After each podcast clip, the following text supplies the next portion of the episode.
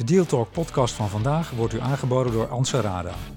Sinds 2005 heeft Anserada al meer dan 23.000 transacties begeleid, waaronder M&A, kapitaalinjecties, desinvesteringen, herstructureringen en IPO's.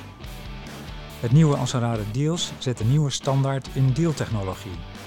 De veilige dealsruimte omvat tools voor projectmanagement, AI-powered data rooms, speciale Q&A-faciliteiten en integratieframeworks. Anserada Deals is meer dan een virtuele dataroom. Het is een complete transactiemanagementoplossing voor de gehele deal lifecycle. Start kosteloos op ansarada.com. Welkom bij een nieuwe aflevering van Deal Talk, de podcast over fusies en overnames. Mijn naam is Ben van den Burg en ik ga in gesprek met ondernemers over dromen, daden, dilemma's en, jullie weten het al, deals. Vandaag ondernemer Robert van Wessel. Hij was oprichter van Brandjes en van Wessel, die in verzekeringen, pensioenen en hypotheken deed. Robert is nu adviseur verzekeringen en pensioenen bij Heres Assurantie. Robert, welkom. De eerste vraag die ik aan je stel is, dat is altijd de vraag, wat heeft je geïnspireerd afgelopen week? Nou, ik, eh, ik ben op weg ben uh, naar uh, een fase in mijn leven waarin ik alleen nog klanten doe. En wat me nu vorige week... Al, alleen nog klanten? Ja, ik ga alleen nog klanten doen. Ja. En wat me vorige week het meest geïnspireerd heeft, was een bezoek aan een uh, meubelrestauratierbedrijf. Omdat ik dol ben op, op ambachtelijke bedrijven. Het persoonlijke contact met de eigenaar, die nog echt met zijn handen dingen maakt en dingen repareert. Dat vond ik de meest, het meest inspirerende gesprek. Waarbij privézaken als zeilen, dat wat we samen doen, en uh, zijn vak door elkaar lopen. Wat is de boodschap? De boodschap is dat hij iets maakt. En ik kom uit een ambachtelijke familie. En ik ben zelf zeer onhandig, behalve met mijn mond en met mijn geest. En uh, wat hij maakt en wat hij laat zien, dat is heel inspirerend. En dat doet me ook aan vroeger denken. Ik zie alle gereedschappen die me aan mijn opa doen denken, aan mijn vader doen denken. Ja. En daarnaast het intermenselijk contact, waarbij het mijn streven altijd is om het zelf leuk te hebben in een zakelijk gesprek. Dus privé en zakelijke dingen lopen door elkaar. Dus ik, ik had een uitstapje vast naar mijn, naar mijn voorland, dat ik binnen nu en een paar maanden ga bereiken. En dat is? Alleen klanten doen. Ja, oh, dat had je. En nu, je, dus je hoopt, je denkt dat je alleen maar alleen klanten doen. Dat soort uh, gesprekken, ja. dat soort verhalen hoort. Ja, dat, dat maakt me gelukkig. Met de liefde op, op ambacht. Vind je dat er te, in, in, te weinig aandacht en liefde is voor ambacht in onze samenleving? Integendeel. Ik vind juist dat de liefde en aandacht voor, de, voor het ambacht terugkomt. Omdat we, ja, we, we hebben te maken, we kampen met een groot tekort aan ambachtslieden. We zien ook op het ogenblik uh, witte borden mensen die zich uh, omscholen en als zij instromer alsnog een ambachtelijk beroep gaan uitoefenen. Ja. Dus nee, ik ben juist heel blij met die opleving. Ja. Zou die niet iets sneller moeten gaan? Jazeker. Ja, hè? Want nu zijn we, maken we ons afhankelijk van met name buitenlandse instroom. Niet dat daar iets tegen is, maar als er Nederlanders zijn die dat werk kunnen doen, heb Ja. ik dat net zo lief. Nou, je bedrijf heette dus Brandjes en Van Wessel. Ja, klopt. Wat is, wat is er met Brandjes gebeurd? Ik ben in december 88 ben ingestapt bij Ted Brandjes Verzekeringen. Bij Tetje. Ja. Tedje. ik kom uit Den Haag. Nou, onder Den Haag. Dus daarom Ja. kom ik met Tetje. En ik kom oorspronkelijk uit de export, dus toen ik, eh, toen ik 30 was. En ik heb me omgeschoold tot, eh, tot verzekerings- en, en pensioenadviseur. En ik vond het eigenlijk veel leuker dan ik dacht. Hoe kwam je bij Tetje terecht? Ted heeft een blauwe maandag bij het exportbedrijf gewerkt waar ik eh, enige jaren heb doorgebracht. En we zijn sindsdien zijn we ja, vrienden gebleven. En uiteindelijk heeft hij me gevraagd om in zijn zaak in te stappen. En dat gaf aanvankelijk bij mij wat weerzin, want ja, na een exportbaan in verzekeringen. Maar wat voor exportbaan was het? Het was een klein, we een klein bedrijf en wij, wij bemiddelden, zoals het heet, bij de totstandkoming van exporttransacties. Tussen vaak Nederlandse bedrijven, bekende bedrijven en een aantal landen in Zuid-Azië. En dan waren we bijvoorbeeld exportagent van Fokker Aircraft, eh, DAF Trucks, eh, nou, noem nog eens een aantal, Bos Kalis. Ik ken die hele industrie niet. Wat Nee. doe je dan? Dan zorg je ervoor dat je voor die bedrijven het pad effent om hun spullen te verkopen.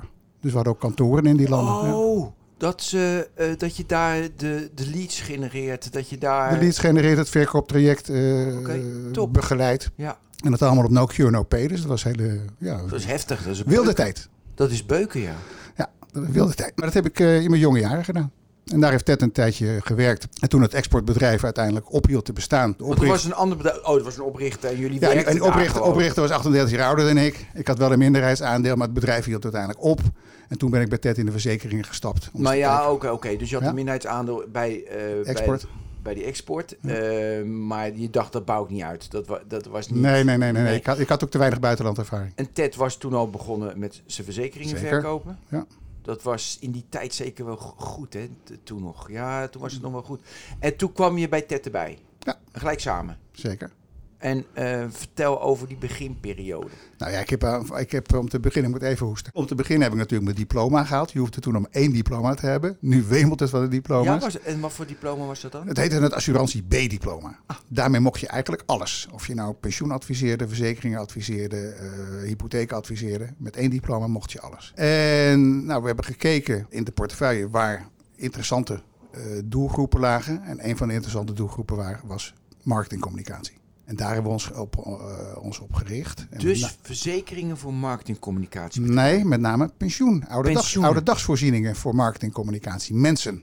En toen hebben we ons eerste folder laten drukken. We hadden ook contact met een eh, werving- en selectiebureau in die periode. En ons eerste folder heette Pensioen, de vijfde P in je eigen marketingmix. Wow, die is sterk, hè? En wat deden Die we? vind ik erg goed. Die, de- in die tijd was dat heel goed. Ja, en dat, ja, dat, hadden niet veel geld, maar het moest natuurlijk wel een goed uitziende full-color eh, eh, folder zijn. En wat deden we? We gingen uiteindelijk gingen we mailen op de rubriek acht- addenda achter in adformatie. En daar stond in, Ben van den Burg is van reclamebureau A naar reclamebureau B verhuisd. Ja. En dan kreeg je ons een brief. Dat vond je toen nog leuk. In 1992. Dus je keek gewoon, dat zie je ook in, in, het, in het FD. Dus die, en je, Nee, adformatie. ja, maar goed, in het FD zie je dat ook nog Ja, steeds. Want Ja, hebben misschien iets minder mensen. Eh, dus die transfers van mensen. En dan, Beste Ben, hartelijk gefeliciteerd met je nieuwe baan. baan. Hier bij onze folder Pensioen de 5de P.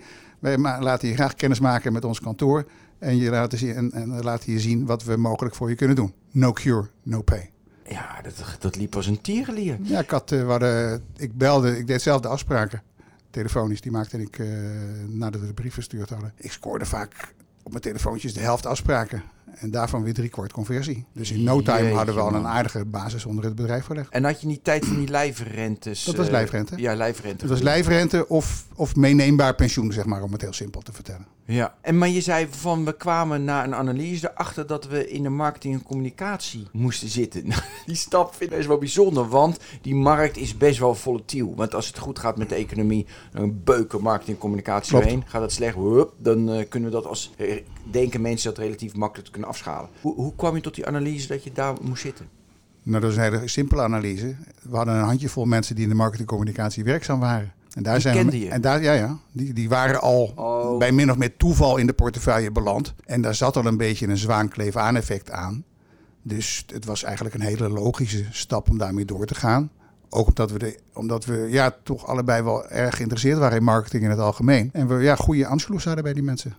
Buiten de, die brief sturen naar die transfer dat je las in de adformatie, had je andere methodes voor de acquisitie? Ja, een andere methode was bijvoorbeeld, eh, we, we kwamen in contact met een eh, jonge groep reclamecreatieven, die zich eh, Jonge Honden noemen. Dat was in 92, dus ja, 30 jaar geleden. Mhm. En eh, we kwamen met ze in contact en ze stelden ons de vraag, wilden jullie ons sponsoren? En toen zeiden we, ja, waarvoor dan? Nou, in juni, 2011 juni, vindt het reclamefestival in Cannes plaats. En het zou prettig zijn als eh, niet alleen de oude creatieven die altijd mogen, maar ook de jonge creatieven eh, mochten gaan. Nou, de werkgevers waren bereid die vrije dagen te sponsoren, geloof ik. En daarnaast moest een sponsorgeld opgehaald worden. Dus wij hebben ze een voor die tijd fors bedrag gegeven, een heel fors bedrag. Hoeveel? 10.000 gulden. Dat was in 1992 voor ons kleine bedrijfje. We waren met, Ja. z'n- inmiddels met z'n drietjes of z'n viertjes, geloof ik. Was Ja. het een heel bedrag. Maar ja, daar kan je niet achterblijven. Dus eh, we gingen ook al vanaf het eerste jaar gingen we ook naar Cannes. Weliswaar met het vliegtuig, want de jonge honden gingen met, eh, met de bus. Ja. En dan bleven we een avondje en dan gingen we op de adformatieparty gingen we gezellig met iedereen eh, praten. En, dan, En later gaven we ook lunches op het strand. ja. Ja. En die pensioenen was allemaal op individuele basis. Ja, het was vaak op individu- individuele basis. Maar het gebeurde ook veelal dat medewerkers van bureaus ons in contact brachten met de HR-manager Ja, of, precies. of, of de directeur. Is dat niet veel handiger? Dat kan, maar in die tijd was het waren een heleboel employee benefits nog niet via de werkgever geregeld. Reclamecreatieven wisselden buitengewoon snel van baan. Ja, Dus een portable pensioen genoot vaak de voorkeur in plaats van eindeloos veel kleine pensioentjes opbouwen bij diverse werkgevers. Ja. Wanneer eh, begon het af te nemen? In, had je die markt wel veroverd in Nederland? Van de, van, van de Hm. marktcom mensen?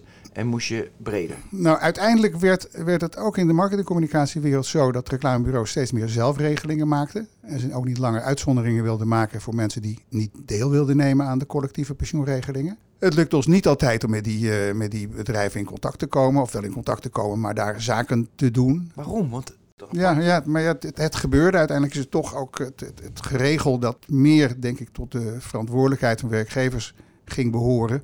Om ook in een vrij vrijgevochten wereld, als de, als de reclamewereld, pensioenregeling het leven te roepen. Dat snap ik. Ja. Maar als werkgever van een, ehm, een reclamebureau kan ik me dan voorstellen, joh, ik vraag jou. Want dan is, ben ik van al die shit af. Ja, kan. Maar er waren ook natuurlijk andere pensioenadviesbureaus. Jawel, maar de, de, die stap Ja. kon je dus niet maken. Ja, dat gebeurde wel. Maar niet zoveel. Maar niet, maar niet, maar niet heel Nee. veel. nee. Oké, dus was je, je werd uit die markt gedrukt. Nou ja, goed. We moesten niet iets nieuws. Want Nee. we hadden aardig wat opgebouwd. Maar goed, we vonden wel een tweede niche. Iets Ja. heel anders. Dat wilde ik gewoon weten. Een van onze klanten was ooit begonnen in haar garage om wat kindjes op te vangen. Zo.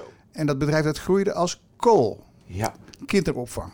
Kinderopvang. En die- Ja, je had toen nog gastouders. Want mijn dochter Ja, was ze- 94 precies. en ze zat bij een gastoudergezin. Dat was toch nog niet aan regels. Ja. Dus nu is dat heel lastig. Ja. Maar toen nog niet. Die... En toen, toen gaf ze ons de tip. Jullie moeten een verzekering ontwikkelen, een verzekeringspakket ontwikkelen. Specifiek toegespitst op de kinderopvangbranche. Want die branche die gaat straks heel hard boomen. En dat klopt ook. Wat een goed En advies. toen dit. hebben we de kinderopvangpolis ontwikkeld. Kinderopvangpolis.nl hebben we ook nog steeds. Heb ik ook meeverkocht, maar daar komen we nog straks op. Ja, Eh, wat in, goed. In, in de goodwill van, van oh, mijn zaak. niches zijn altijd zo leuk. Ja. Dat is hetzelfde als ambacht wat je vertelde. Ja. Dat zijn niches ook Ja. altijd zo boeiend. Maak hem ook heel blij. Want we kennen de wereld heel goed. En ja, we hebben mooie, mooie pakketten voor hele kleine startende eh, organisaties. Tot bedrijven van eh 400 eh vrouw, man. Dus eh, ik heb zo'n kinderopvang. Een kind valt. Die, eh, of ze gooit iets om. En dan is dat verzekerd. Zo Ja, simpel is dat. Zoiets.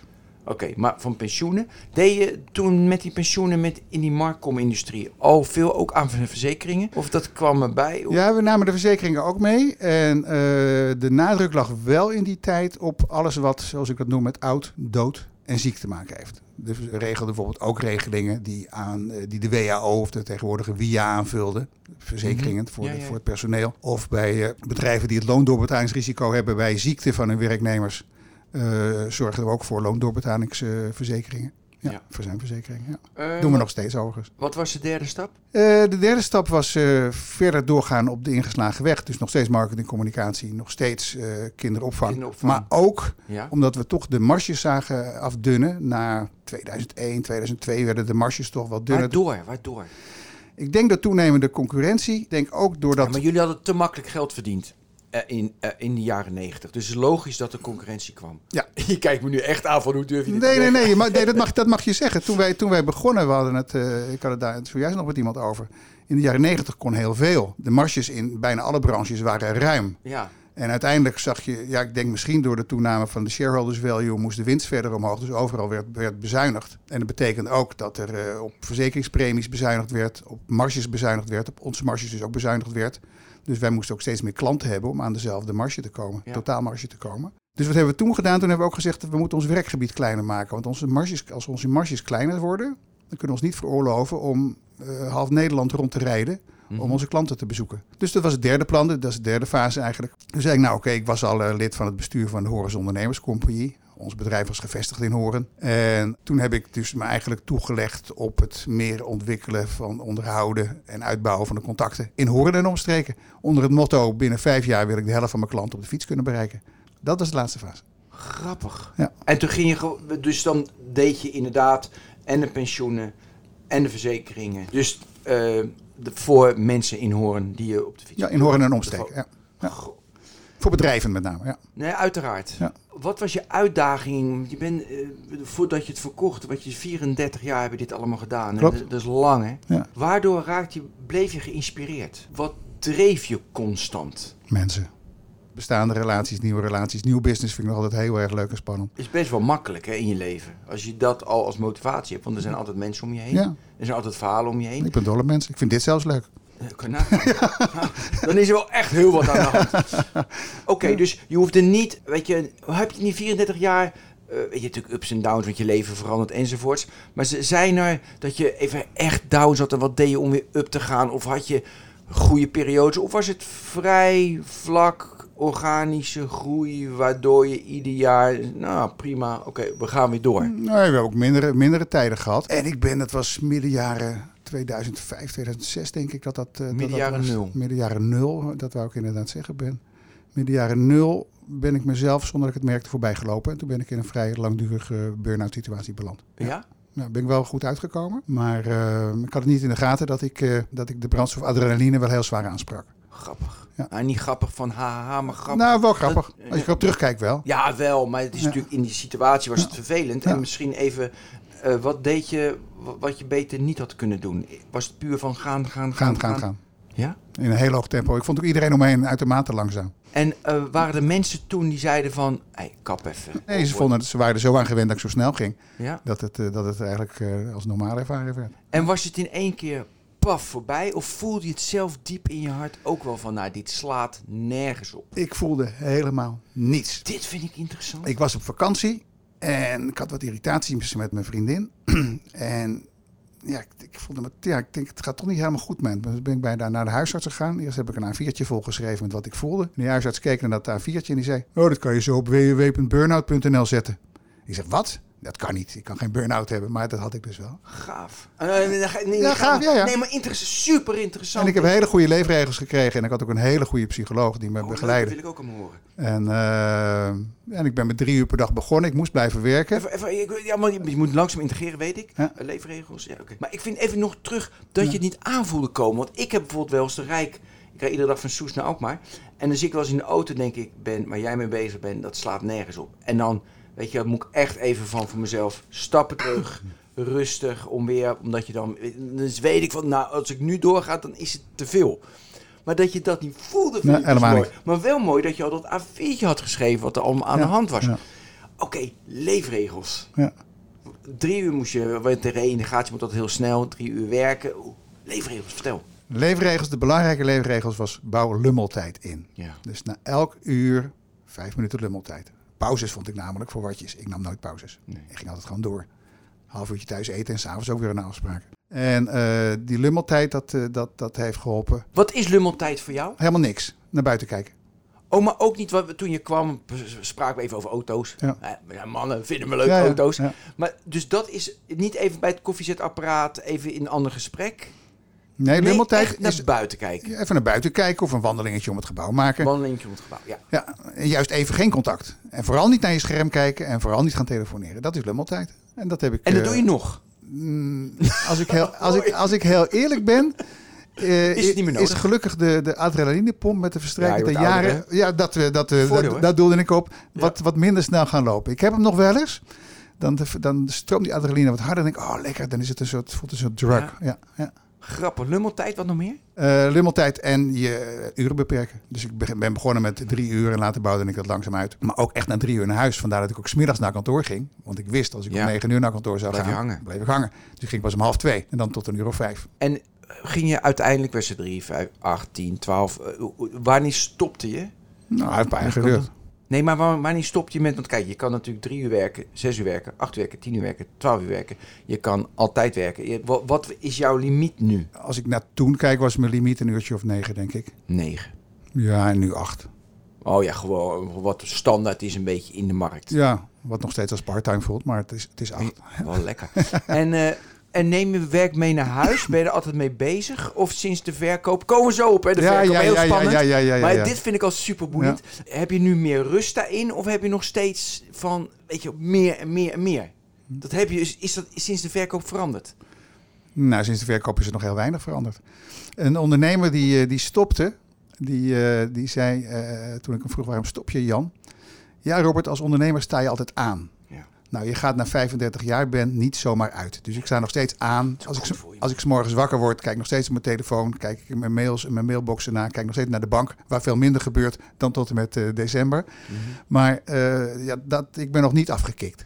Nee, omdat je gewoon zo bent. En misschien wil ik ook wel zo blijven. Nee, dat is ook, want Ja. ja, precies, past bij jou. Eh, Oké, dus die, die burn-out kwam je langzaam uit. Toen kwam er wel de, de financiële crisis nog, hè? En nog veel last van gehad. Of viel dat wel mee? Met brandjes en van... Was Tetje er nog steeds bij? Ik, mag Tetje zeggen. Ja, voor mij mag je Tetje zeggen. heel grappig. Tetje was erbij tot 2010. En ja, die raakte steeds minder geïnspireerd door het vak. Ja, de hoeveelheid toezicht en compliance nam natuurlijk toe. Ja. Ik noem toezicht ook toezucht. Kost het namelijk. En kosten namen, namen toe. En ja, hij Dus begon andere in- interesses te ontwikkelen. Meer bedrijven adviseren. Op andere vlakken. Het is zelfs een avontuur in België, iets met chocola. Wat hij wilde op gaan zetten, wat niet helemaal lukte, geloof ik. We groeiden uit elkaar. Een Ja. eh, zakelijke relatie, en, en die ook een vriendschappelijke relatie was, ja, heeft veel weg van een liefdesrelatie. Uiteindelijk eh, ja, groei je uit elkaar en wordt de relatie sleets. Toen heb je zijn aandelen overgenomen. Ja. Dat was een koopje voor je. Nou, het is geen koopje, het was een heleboel geld. Ja, was het... eh, oh, eh, toen we, want hoe groot was het toen? Toen Ted wegging in 2010 waren we met acht of negen of tien mensen, denk ik. Nou ja. Ja. En ehm, gewoon een externe adviseur die, die de waarde bepaalde. En dat ging vrij soepel. Of wilde tetje heel veel? Of hoe, hoe gingen die onderhandelingen? Was het makkelijk, vervelend? Kijk, de, Nou, ik, ik, zal, ik, zal daar niet te veel over zeggen. Ik mag er ook niet te veel over Nee, zeggen. Het, eh, het ging niet soepel. En ik heb er ook de, de, de spreuk aan overgehouden. Het verbreken van een alliantie gaat in het algemeen eh, minder makkelijk dan het aangaan van een alliantie. Ja. Ja. Dat ik. Dus nee. we, zien en spreken elkaar ook niet meer. nee. En dat is, dat is wel jammer na zoveel jaar. Ja. Ja, nee, maar ik vind het wel mooi dat je even aangaan. Weet je, met, oh ja, we gaan wat doen. Ja. Maar dan op een goede manier, weet je wel, afscheid nemen. Dat is Mhm. natuurlijk, ja, lastig. Maar gelukkig. Je had nu, was nu toen 100% aandeelhouder, hè? Dat ben ik. Ja, dat was ik. Ja. Ja, ja nee, je hebt nu verkocht. Ja. je- Ik ben nog steeds 100% aandeelhouder van, van een BV waar geen portefeuille meer in zit. Ja, oké, Ja, want je hebt nu alles naar, Ja. eh, je hebt nu natuurlijk alles verkocht, heb je het, aan Heres Assurantie. Maar komen we zo op. Mhm. 2010, je stond er alleen voor, je had 10 man. Eh, Had je, ging je een andere richting op? Ging je hetzelfde blijven doen? Hoe, waar wilde je naartoe toen? Nee, ik denk dat, dat ik, ik bleef hetzelfde doen. Maar met name wat ik eerder vertelde ben, dat we ons meer richten op, op eh, de regio. Ja, Dat, nee, heb, ik, precies, dat, dat ja. heb ik met name vanaf 2010 sterk, Oh, ja, eh, sterk uitgebouwd. Dat was toen jouw eh, ding. Oké, precies. En dat ging gewoon ieder jaar organisch een beetje groeien. En kinderopvang ging gewoon door. Kinderopvang jaar. door. Ja. Was er nog, er nog spannende elementen in al die Er waren zeker spannende 12 elementen. jaar? De, want toen heb je 12 jaar nog gedaan, hè? Alleen. Ja, maar er waren hele spannende, er waren hele spannende elementen. En die kwamen met name voort uit het feit dat eh, ja, het toezicht toenam, de regelgeving nam toe. Eh, de marges namen nog verder af. Wat betekende dat precies voor jou? De regelgeving nam toe.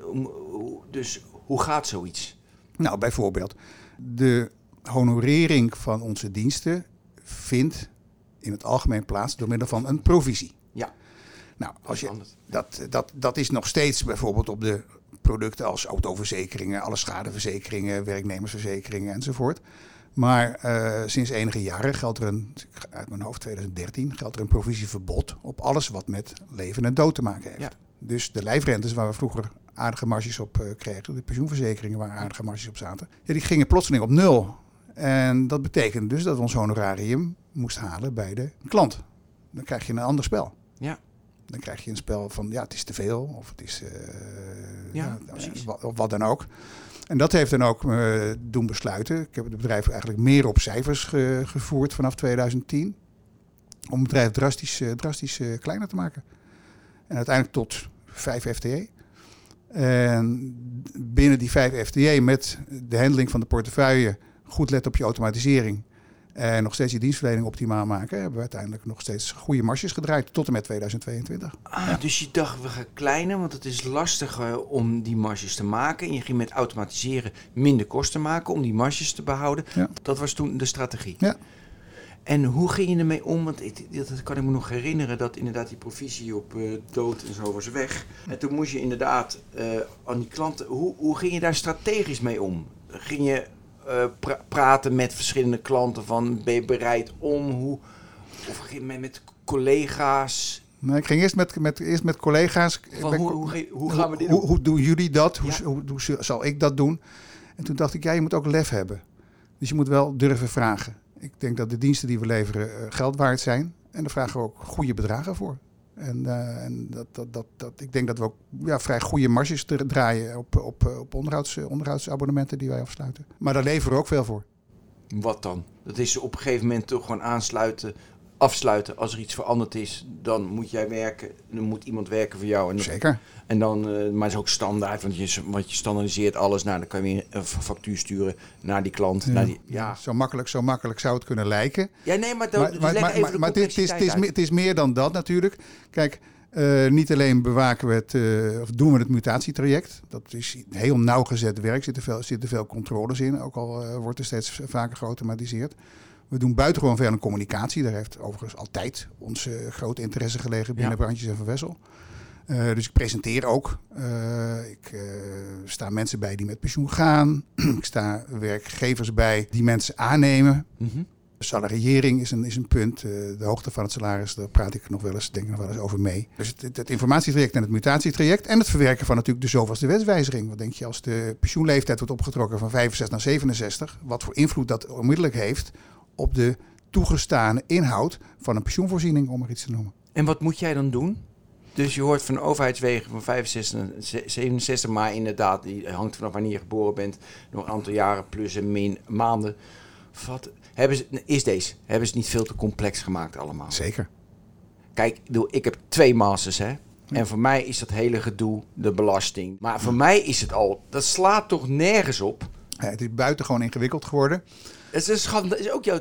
En de, en de WTP, de Wet Toekomst Pensioen, het pensioenakkoord maakt het uh, nog veel uh, ingewikkelder. Maar dat is, een, uh, dat is een, een, podcast apart om daarover te praten. Nee, maar dat slaat ja. toch nergens op? Ja. Heb je nooit... Natuurlijk, jij verdient geld met die complexiteit, dat snap ik ook wel. Ja, maar het is niet leuk. Nee, ik vind een heleboel dingen niet leuk. Daar heb je gelijk in. Maar ik, ik kan me niet verzetten tegen het onverzettelijke ben. Maar moet... Uh, moet het zo ingewikkeld zijn? Of zie jij wel, je zit midden in die wereld met pensioenen en verzekeringen, dat het simpeler kan? Is ik ben, nog steeds in sta, ik ben nog steeds in staat om het in Donald Duck taal uit te leggen. Dus die pensioenregelingen, die kan jij in Donald Duck... Ja, okay. ook, ook, de regelingen die de, bij arbeidsongeschiktheid uh, kan ik nog steeds simpel nou, Maar die zijn toch wel makkelijk? Nou, ik denk het niet. Als je, als, ik, als je de via moet uitleggen, kunnen we daar ook een aparte podcast naar wijden. Jeetje man. Ja. Maar goed, de, de, wereld is ingewikkelder geworden. Vind ik dat leuk? Nee. Uh, kan ik me daartegen verzetten? Ja, maar het helpt niet. Ja, maar dat moet je wel doen iedere dag. Om het gewoon simpel, het lef hebben om Donald Dat wel. Maar, ja. ik, maar ik kan de wet en regelgeving uh, nee. ben niet veranderen. Maar het vertalen daarin, dat, dat moet natuurlijk De vertaalslag maken vind ik leuk. Ja. Maar Nog steeds. Even, doe, doe eens wat heel complex is. Jij zei over de VIA en uh, daar weet ik ook helemaal niks van. Hmm. Nou, maar doe maar even heel kort hoe je het dan... Kan je... Hoe zit de VIA in elkaar? Dat is de wet... Ja, wil je dat echt? Om, echt even in 30 seconden. Goed simpel. zo. Nou, de meeste werkgevers. Uh, werknemer wordt ziek. Werkgever heeft twee jaar loondoorbetalingsplicht. Minimaal voor 70%. Veel bedrijven betalen het eerste jaar 100% en het tweede jaar 70%. Als de medewerker daarna nog steeds ziek is, dan valt hij onder de VIA. Ja. Ik zal de afkortingen zal ik niet uh, wet inkomensaanvulling bij arbeidsongeschiktheid. Ja. Nou goed. Die VIA valt uiteen in twee delen. Ben je meer dan 80% uh, arbeidsongeschikt, dan ontvang je 75% van je loon. Dan gaan we alweer, ja. Met nog een maximering, maar die zal ik voor de. Nee, uh, ja. Voor, zal, ik, zal ik even weglaten. Van ontvang je 75%. De pijn zit er met name als je tussen de 35 en de 80% arbeidsongeschikt bent. Dan val je in een diep gat. Het WGA-gat. En het WGA-gat wordt inmiddels door de meeste werkgevers ook aangevuld door middel van een collectieve verzekering. Waardoor je uiteindelijk, als het een uitgebreide regeling is, Ja. toch op 70% van je laatst verdiende salaris En je moet, Dat is de VIA in drie zinnen. Nou, maar dat vind ik fijn, want je moet je dus eigenlijk bijverzekeren tussen die 35 en die 80. Ja, Daar moet je, nou, dat soort. Oké, ja, dat weet ik. Wat een gedoe allemaal. Oké. Ja. Dus dit had je jarenlang gedaan, eh, vanaf 2010. 12 jaar lang, met vijf man eh, in Horen, eh, Ja. meer dan 50% marktaandeel. En het ging zo door en je kon zo mooi naar je pensioen en alles was geregeld. En toen ineens op je pad kwam Heres Assurantie. Hm. Wat gebeurde er allemaal? Dan moet ik vertellen dat Heres al veel langer op mijn pad was. Vertel. Ik ken de oprichter van, eh van Heres Assurantie, Wim, ken ik al 30 jaar. We Ja. zijn goede vrienden, Wim Heres. Wim Heres. Wim is inmiddels rond de 70 en zijn zoon Remco van 45 is nu de, de dagelijks leider van het kantoor Ja. samen met zijn broer Wouter. En als ik Wim sprak, dan vroeg hij me vaak, eh, Robert, ben je al toe aan eh, verkoop? Want op een gegeven moment moet je het toch wat rustiger aan doen. En eh, ondernemers of assurantieportefeuilles hebben een zekere waarde. Ja. En ik was de 60 gepasseerd. Dat ben ik nog steeds overigens. Ik was de 60 gepasseerd. En het is ook wel waardevol als je je portefeuille verkoopt. Dat je nog een aantal jaren die overdracht kan begeleiden. En nog een tijdje je werk kan blijven doen. En, maar ik vond eigenlijk alles nog steeds te leuk. En ja, maar wat ik ook merkte is dat de zaak als compliance en soms wat pech met, eh, met, eh, met medewerkers. Ik had naar afscheid genomen van een medewerkster. En toen had ik op een gegeven moment in juli 21 het idee, dit wil ik niet meer. Ik heb geen zin meer in personeelsgezeur en compliance en regelgeving en iedereen die met mijn nek hijgt. En ja, dat geeft dan onmiddellijk de tegenvraag, wat wil je dan wel? En toen zei ik, nou, ik wil doen wat ik in het begin deed toen Ja. we 30 jaar geleden begonnen. Klanten, nieuw business Ja. en bestaande klanten. En toen ben ik met Wim en Remco in gesprek gegaan, samen met eh vriend en adviseur, ook een assurantieman, die ik al jaren ken, ook al meer dan 30 jaar. En uiteindelijk heeft dat tot een transactie geleid. Ja. Waarbij zij 100% van mijn portefeuille hebben overgenomen. We het kantoor in Horen hebben opgegeven. Drie van de medewerkers zijn meegegaan. En ja, sinds 1 januari zijn we dus onderdeel van het team Heres in, eh, in, in Purmerend. En we zijn nu nog wel bezig met de naweeën van de overgang van de onderneming. Maar ik verwacht dat we in maart het stadium bereiken waarin ik, eh, zoals ik net al aangaf, eh, mijn nieuwe leven vorm ga geven. En alleen nog maar klanten ga doen. Mooi hè? Ja. Eh, die, dus je zegt dat wil ik niet meer. Die zegt, oh ja, het heeft een bepaalde waarde, een portfolio. Mhm. Zijn dat vaste multipliers? Hoe, hoe, hoeveel omzet dat portfolio doet op de markt van jou? Of hoe werkt dat? Nou, er zijn verschillende manieren om, om een waarde eh, van een portefeuille te bepalen. Je kunt kijken naar de BV en de winstgevendheid van de BV. Ja, en daar een multiplier op loslaten. in heel veel, heel veel bedrijven zo gaat natuurlijk. In onze bedrijfstak gaat het vaak anders. Daar wordt een multiplier losgelaten op de vaste omzet van het bedrijf. Op de onderstroomomzet. Nee, op de vaste omzet. Dus de- daarmee bedoel ik, Ja, als je een autoverzekering eh, afsluit, voor hem, eh, dan is, daar, is het provisiepercentage, dat is heel open, is 20%. Dus Ja. jij betaalt 100 euro voor je auto, 20 euro is voor ons. Nou, terecht. Nou, al die duizenden polissen die we hebben, die leveren uiteindelijk leveren die een bepaald bedrag op. Nou, dat bedrag wordt als redelijk vastgezien. Er zit een ja, bepaalde constante in. En er zit ook nog een groeioptie natuurlijk in. En op die constante wordt een factor losgelaten. Ja. En hoe hoog die factor is, nou sowieso kan ik daar weinig over zeggen, want die kan heel erg variëren. Dat hangt ook af van de samenstelling van de portefeuille. Eh, leeftijd van de, van de gemiddelde klant, soort bedrijven. Zitten er hele grote klanten in, dan is dat natuurlijk enger. Ja. En, ehm, ja, en uiteindelijk hebben we op een hele ja, vriendschappelijke manier, maar dat kan ook met iemand die je kent. We zijn ook met niemand anders in gesprek geweest. Nee, helemaal met z'n tweeën. Met- alles. met- alles met, z'n- met z'n vieren gedaan. ja, met zijn zoon. zijn, we tot eh, een, zijn we tot een eh, mooie deal gekomen. God. Met nadruk op het streven naar, want dat is sowieso mijn streven naar een eh, win-win situatie. Ja, top. En nu dus die overgang. ehm, hoe, en met die mensen praten. Wa- wa- wa- welke trend zit er in dat vak van jou? Want we zeiden al van de provisie ging weg. steeds meer geautomatiseerd worden. Ik kan natuurlijk heel veel verzekeringen nu online. Ben, ik ben pas gaan skiën. En ik wist niet dat ik nog een doorlopende reisverzekering had. Want weet je, ik krijg nooit meer papier in huis. Als ik iets heb, betaal ik het gelijk. Dus ik wist niet of ik een. Was ik vergeten of ik dat nu had of niet. Ja, slecht hè?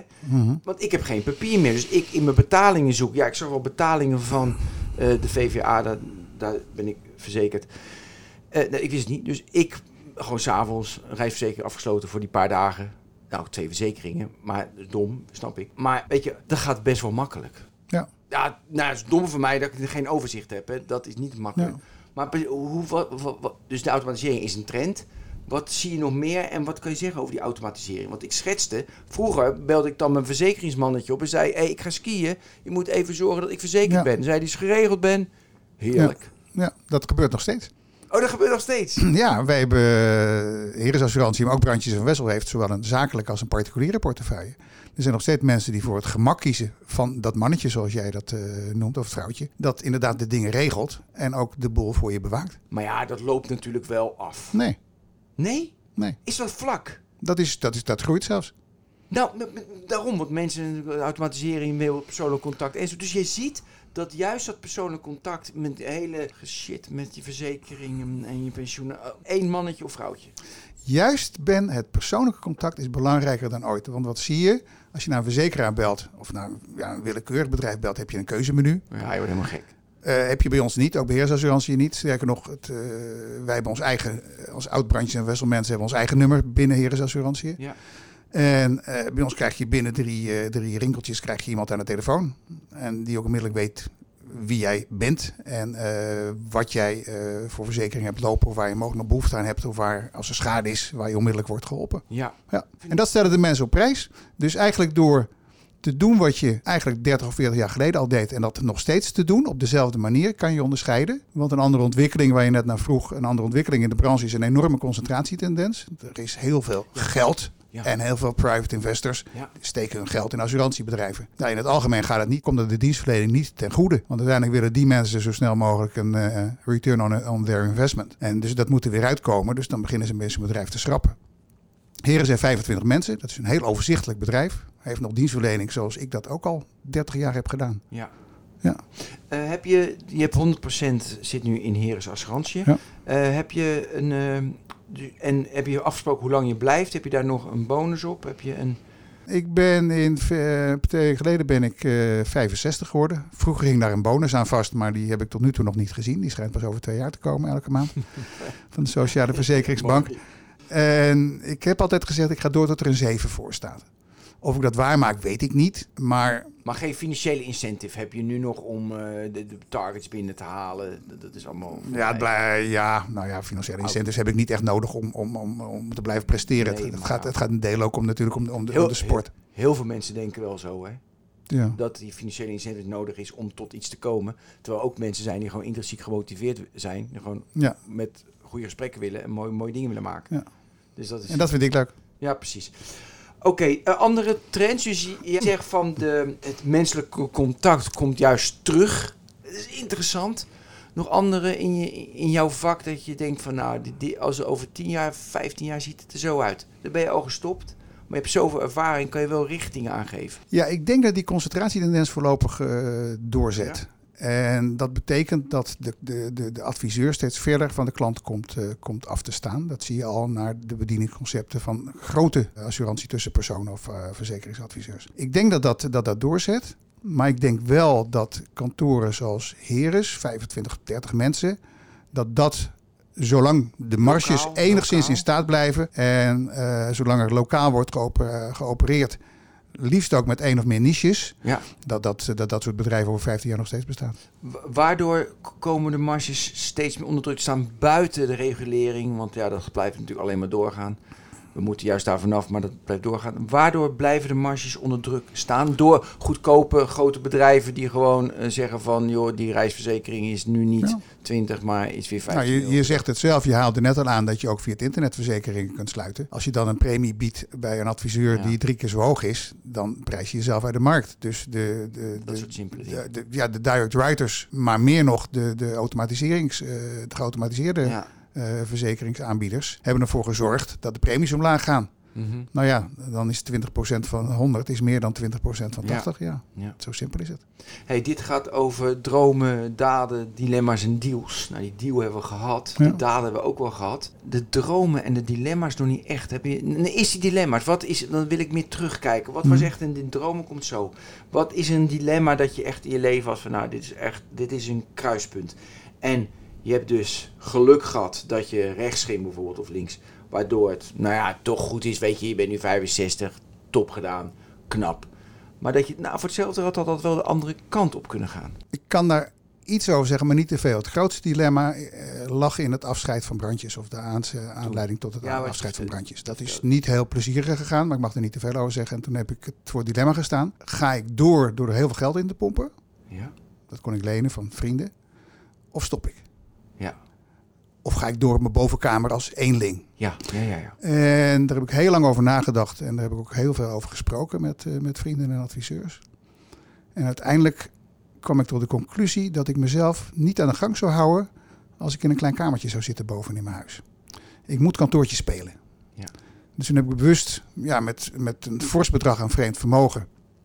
heb ik uiteindelijk en brandjes eh, uitgekocht en de zaak een forse financiële injectie gegeven. Ja. Nou, en dan heb ik het Mooi. geluk gehad dat ik dat in eh, die tien jaar daarna weer eh, redelijk heb kunnen terugverdienen. Ja, precies. En gewoon aflossen al die jaren in degelijkheid. Ja. Mooi dilemma. Maar dat was een heel zwaar dilemma. Ga ik, ik door of niet? ik. Ja. Snap ik. Maar ja, het is ook de, de gehechtheid aan het bedrijf. En ik heb ook de naam Brandjes en ja, laten bestaan nadat Brandjes eruit was. Ja. Als merk. Ja, vind ik ook wel. Dat is ook apart, ja. Ja. Dat was nodig dus. Nee, ik vond, ik vond het merk eh, belangrijk. Daar hadden we 23 jaar in geïnvesteerd. Ja. Maar ook het besef, als ik alleen op mijn zolderkamertje had gezeten, had ik mezelf niet aan de gang. Ik wil Nee. kantoortje spelen. Dat Ja. vind ik ook wel Ja. een, mooie die Ja. ik meeneem. Oké, eh, tot slot de dromen. Want ja, nu, nu kan je dromen, hè? Alles is nu geregeld. Ja. Financieel prima. Je kan alleen met klanten praten. Ja. Dat is fantastisch. Nou, dus die droom die ga ik verwezenlijken, dat ik alleen met klanten Ja. praat. Dus die, eh, die, die, die wordt heel binnenkort Vink. be- be- vink, bewaarheid, ijs en wederdienen en vooral gezondheid natuurlijk. En mijn gezondheid is nu, nu toe uitstekend. Eh, ik heb niet zoveel dromen. Maar wat ik wel eh, bemerk de afgelopen jaren, en nu op 65-jarige leeftijd zeker, het is de tijd loopt eruit. En ik sprak zondag sprak ik iemand op de watersportvereniging, die is 75. Dat was mijn tandarts van vroeger. Ik zeg, "Jo- Joost, wanneer ben je gestopt? Ja, toen ik 66 was. Die jaren zijn gevlogen, Robert, die negen jaar. Dus als je nog wat wil doen, doe het nu. Toen dacht ik, oh, dat is weer de zoveelste boodschapper in mijn leven Ja. die me wijze raad geeft. Dus we willen nog wat reisjes maken, hele simpele reisjes, even naar Amerika een paar weken of zo. Nou, dat. Ja. dat. Ik wil wat vaker gaan zeilen met, met Monique en met vrienden. Ja. En geen verre reizen, gewoon Maar op het geen- Markenmeer en op de Waddenzee. Maar ik heb geen hele bijzondere wensen. Ja, nee. natuurlijk. Dus, dus de- nee, Snap ik ook. Maar de tijd loopt eruit. Dat is de ook tijd loopt eruit is wel een hele belangrijke. En doordat ik meer vrije tijd heb, want in principe ga ik een dag minder werken. Dat is dus voor mij een ongelofelijke luxe. Dus moeilijk. 32 uur, nou dat, dat, dat, dat, dat lukt me nu nog niet, maar dat gaat me zeker lukken.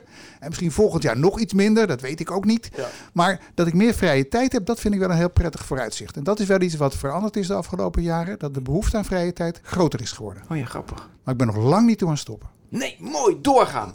Oké, eh, we bedanken Robert van Wessel. Dankjewel. Mooi. Heel graag gedaan. Het een Ja. leuk gesprek. Ook. Dit was Deal Talk. Tot de volgende Deal Talk. Tot ziens. Hoi. U heeft geluisterd naar Deal Talk. De Deal Talk podcast van vandaag wordt u aangeboden door Anserada. Anserada Deals is meer dan een virtuele dataroom. Het is een complete transactiemanagement oplossing voor de gehele deal lifecycle. Start kosteloos op anserada.com.